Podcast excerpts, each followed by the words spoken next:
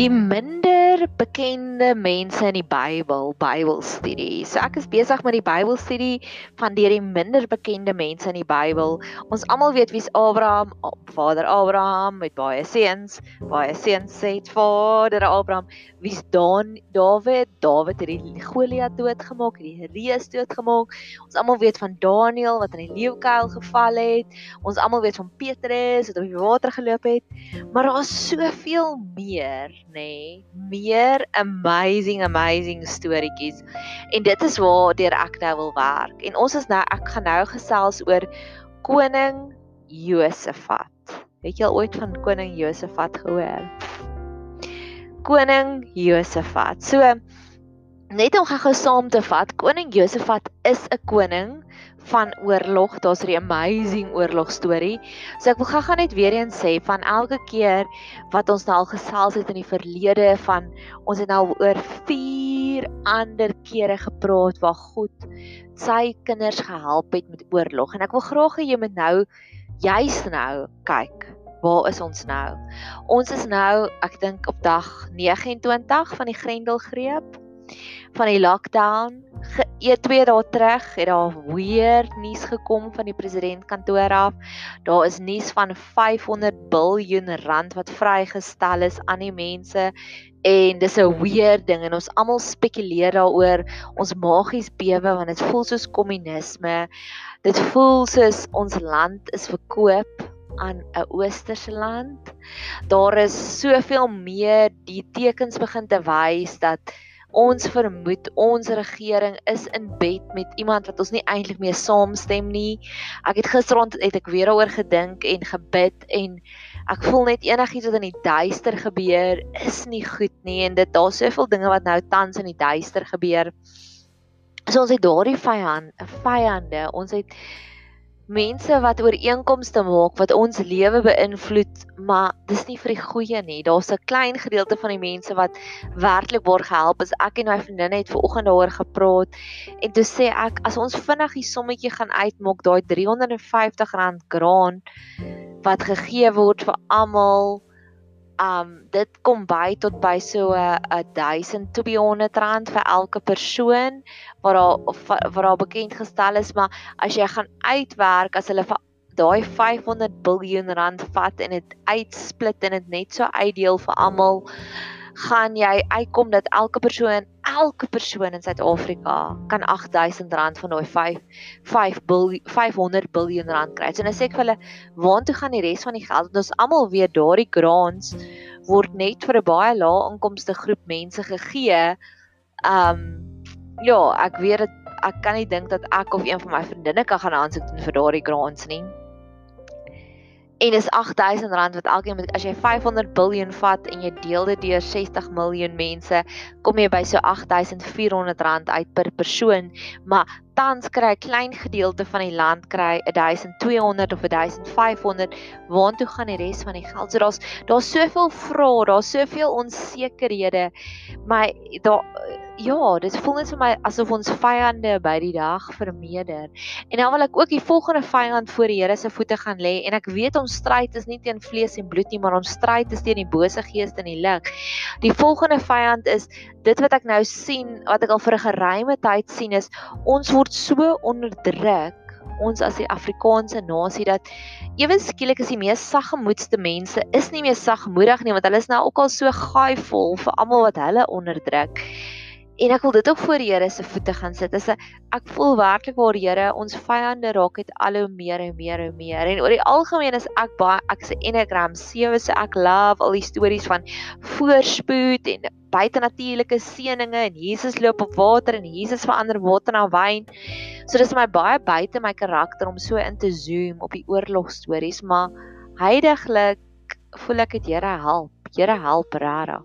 So ek wil gou-gou saamvat nou dat ek die konteks geskep het van wat aangaan in Suid-Afrika en dat jy ook nou bewus raak maar eintlik het ons almal maar vyande juis nou juis nou. Hoe die Here al al reeds van tevore voor die koning Jehoshafat het ek dit nou reg gesê Josafat as ek het nou nou hier gesit in die name probeer oefen want die ander een is Josebel dink ek. Josiba Josiba. So dis nog ons weird name. Koning Josafat voor ons by sy storie aankom daar's dit die verhaal van koning Adia nou ek praat baie van konings. Wat gebeur het is Dawid was die eerste koning toe was Salomo. Toe Salomo stout toe kom God en toe split hy die koninkryk in twee. Toe's daar 'n noordelike gedeelte wat die koninkryk van Israel was en al hulle konings was bad en hulle was baie bad en waar Samaria vandaan kom onthou jy die vrou met die Samaritaanse vrou Jesus het daardie wat hulle daai vyandskap gehad het tussen die Jode en die Samari Samaritaanse want hulle was almal in die noordelike koninkryk van Israel en dan in die suidelike koninkryk was Juda daar en Juda is waar Jerusalem gebou is en is uit die volk van Juda uit waar Jesus gebore is en dit is ook in Jerusalem waar die tempel gebou is waar Jesus gekruisig is. So dis dan nou waar dit nou ingefokus het en hulle het 'n paar goeie konings en 'n paar slegte konings gehad. So in hierdie studie fokus ek net op Juda en ek fokus net op die goeie konings. Ek wil net die goeie stories. Ek wil sien hoe God die mense geseën en ek wil dit uitspreek oor jou en my lewe. So een van hulle was koning Adia en al wat die Bybel vir ons sê is toe hy gaan oorlog voer het, toe was daar dubbel die hoeveelheid vyande. So hy was heeltemal outnumbered, net soos wat ons ook is, en hy spring op die berg en hy beklaar God se goedheid. En ek het vir myself ook nou sulke mantras begin skryf om te skryf of te skryf en dit op te sê as ek gaan piepie, as ek my hande gaan was, as ons baie nou ons hande was. As ek enigiets brein dood doen, as ek skorrel goed was, dan sê ek vir my die mantras Nadia God is good. Nadia God is fair. As God God gee altyd vir jou terug. Hy gee vir jou liefde. Nadia God wil hê jy moet vol blydskap wees. Nadia God wil hê jy moet voorspoedig wees. Nadia God wil hê jy moet floreer en lewe in oorvloed hê. En dit wat jy nou ervaar is nog nie dit nie. Die beste is nog om te kom. So ek praat die hele tyd met my hart en ek glo dis wat koning Adia ook gedoen het. Adia Nadia is hy het opgespring en op die berg gaan staan en al die dinge vooruit gespreek. So leer om ook dinge oor jou lewe uit te spreek. Dan die volgende koning waarvan ons gepraat het, en alles hierdie is op die potgooi kanaal. So as jy meer wil weet, as jy wil in detail gaan op gaan studies doen, gaan kyk dit asseblief. Is koning Asa, koning Asa wat hulle vir ons gesê het is daar was 300 000 Israeliete versus 1 miljoen van die vyand en nogtans en hulle het op God vertrou en God het gemaak dat hulle wen. Die volgende een wat ons ook al gesels het hier soos ek wil gou-gou recap, so dis koning Adia wat gaan verklaringe maak, koning Asa wat outnumbered was 300 000 mense, 1 miljoen vyande, Barak Barak was een van die regters. Nou die regters was die heel eerste leiers van Israel en dit is in die verhaal met Debora en regters en as jy ooit gehoor het dat daar so 'n stukkie wat sê selfs die sterre het namens ons geveg, dit pas in by die by die verhaal van Barak. En met Barak se verhaal was dit daar was 900 strydwaans, daar was 900 chariots. Nou dis so goed soos tanks, soos oorlogtanks. So die vyand het 900 van dit gehad en hulle het maar 10000 swart mannetjies gehad. Mans wat met sware kon geveg so jy kan dink as daai tank aangekom het hy skiet een keer en dan maak hy sommer 100 van hulle dood. So hulle was heeltemal outnumbered want daar was omtrent 22000 soldate saam met die vyand en daar was net 10000 Israeliete en hulle het glad nie die wapentuig gehad soos wat wat die ander gehad het nie. Dis so goed soos iemand kom na jou toe met 'n AK ek sê dit al verkeerd AK47 en jy kom na hulle toe met 'n stokkie. Ek weet jy weet jy jy staan nie 'n kans daar nie, nê? En ek praat nou nie van 'n van 'n sterk stok nie. Ek praat soos van 'n stokkie, soos 'n braaivleis stokkie waarmee jy marshmallows braai. Obviously gaan jy nie wen nie, nê?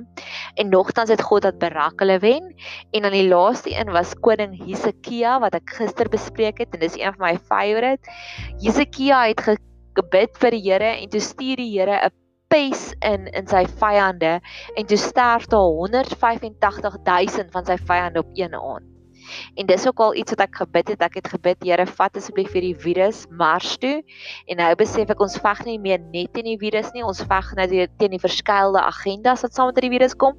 So ek wil ook nou vra, Here, enige verskeidelde agendas wat hier aangaan, vat dit asseblief Jupiter toe, want ek hoop Jupiter is nog verder as Mars.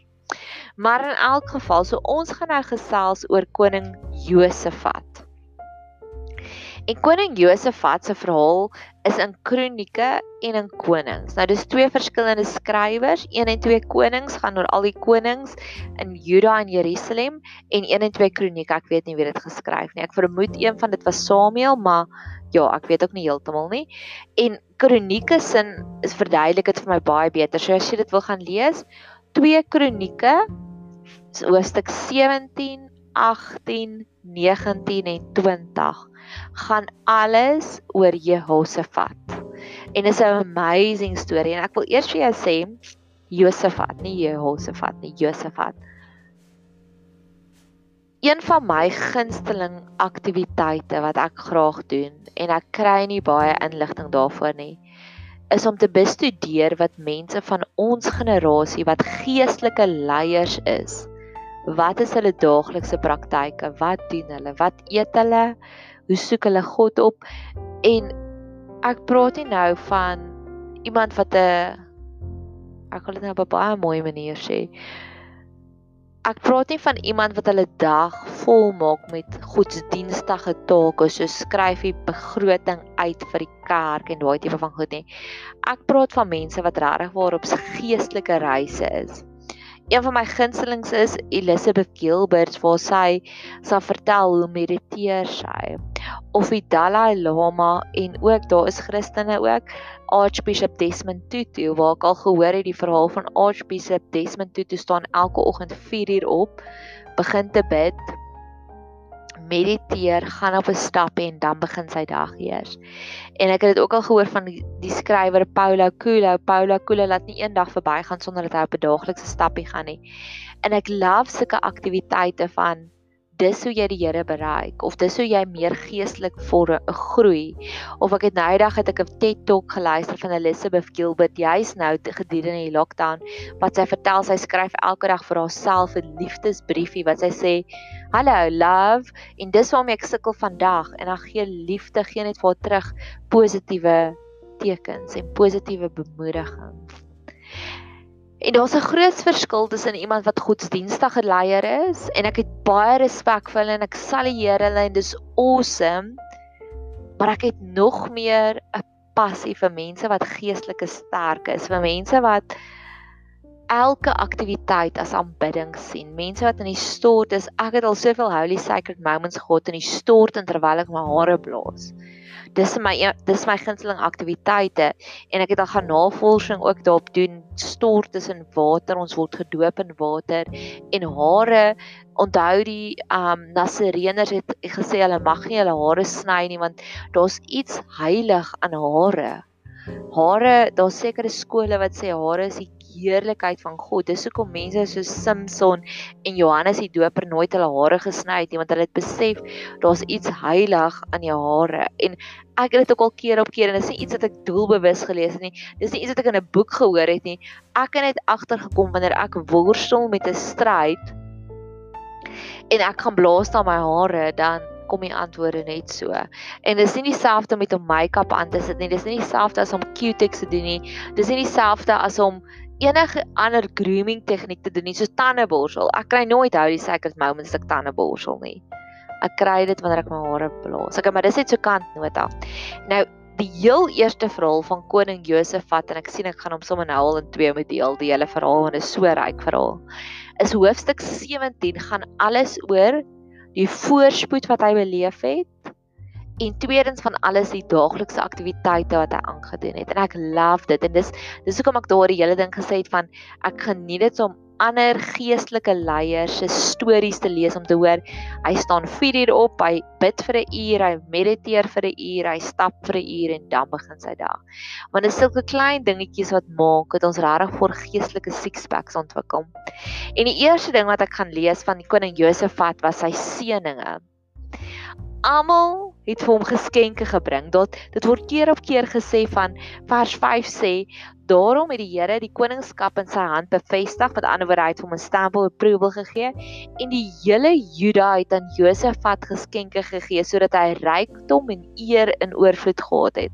En later dan gaan jy lees van die Filistyne en die swerwelinge en almal wat net aangehou het om vir hom geskenke te bring dalk was dit met al die konings so, maar Josafat was die enigste een wat soos die 10 melaatses net een omgedraai het en dankie gesê het vir die Here daarvoor. Maar van almal was dit die enigste een wat ek al raak gelees het van hoe het almal vir hom geskenke gebring. Almal het hom geskenke gebring en hy het baie ryk geword. So Ja, dis my eerste seëning. Mag jy dit ook ervaar dat mense rondom jou vir geskenke bring en ek eer regtig geskenke. Ek bid gereeld vir die Here, leer my om nog meer 'n dankbare hart te hê.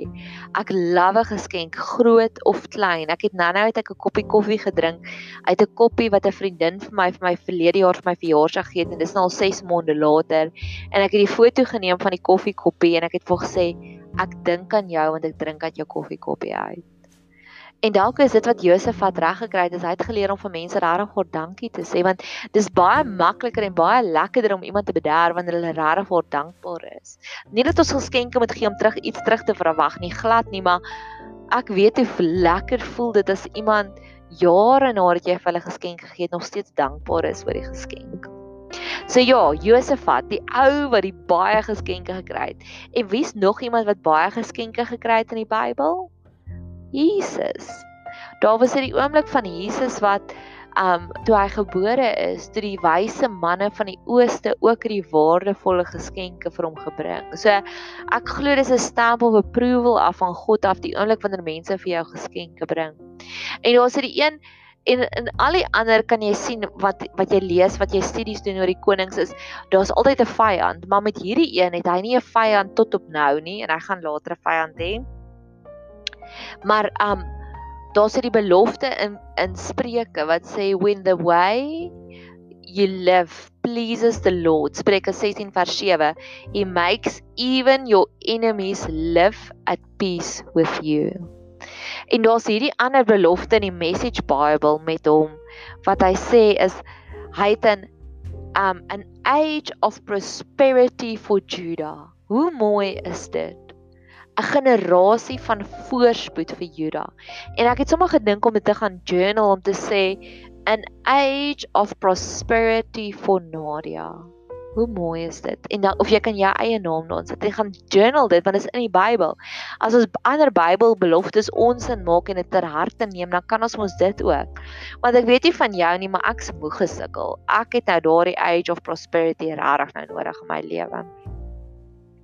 En die volgende een wat jy in 1 Kronieke 2 Kronieke 17 sien is wat koning Josafat ook gedoen het. Hy het al hierdie mense wat baie slim was en wat die Bybel baie goed geken het, het hy hulle almal opgekommandeer na al die kleiner dorpies toe en vir hulle gesê: "Gaan na daai dorpies toe en leer vir elke liewe burger in daardie land hoe om God se wette te onderhou." En hy is die enigste een wat ek al van gelees het van al die konings wat so 'n veldtog gedoen het. Wat so 'n veldtog gedoen het van dis hoe jy God se wette onderhou. Wat daarvan? Ek weet hulle probeer dit nou met al oom met lewensoriëntering te doen in die in die in die skole, maar wat daarvan? Ek, ons het 'n bediening vir emosionele gesondheid. Maar wat daarvan as die regering 'n nuwe beleid in plek stel om te sê Ons gaan julle leer, gratis leer hoe om beter emosioneel na jouself te kyk. Want ons besef 'n land wat burgers het, wat emosioneel sterk en gesond is, gaan 'n land wees wat meer voorspoed het.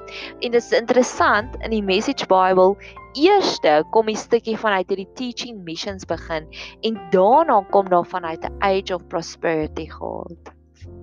Hoe mooi is dit? En dan wil ek afsluit uit hoofstuk 17 dat ek gou gaan kyk hoe lyk ons tyd want die beste kom nog van koning Jehoshafat. En ons het nog tyd daarvoor.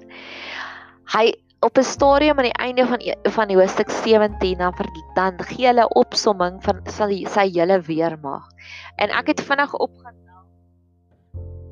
Sy hele weermag het omtrent bestaan uit 1.2 miljoen soldate juis nou in die lockdown het ek gehoor hulle gaan nou die hele weermag release in Suid-Afrika. Nou Suid-Afrika wat 60 miljoen burgers het.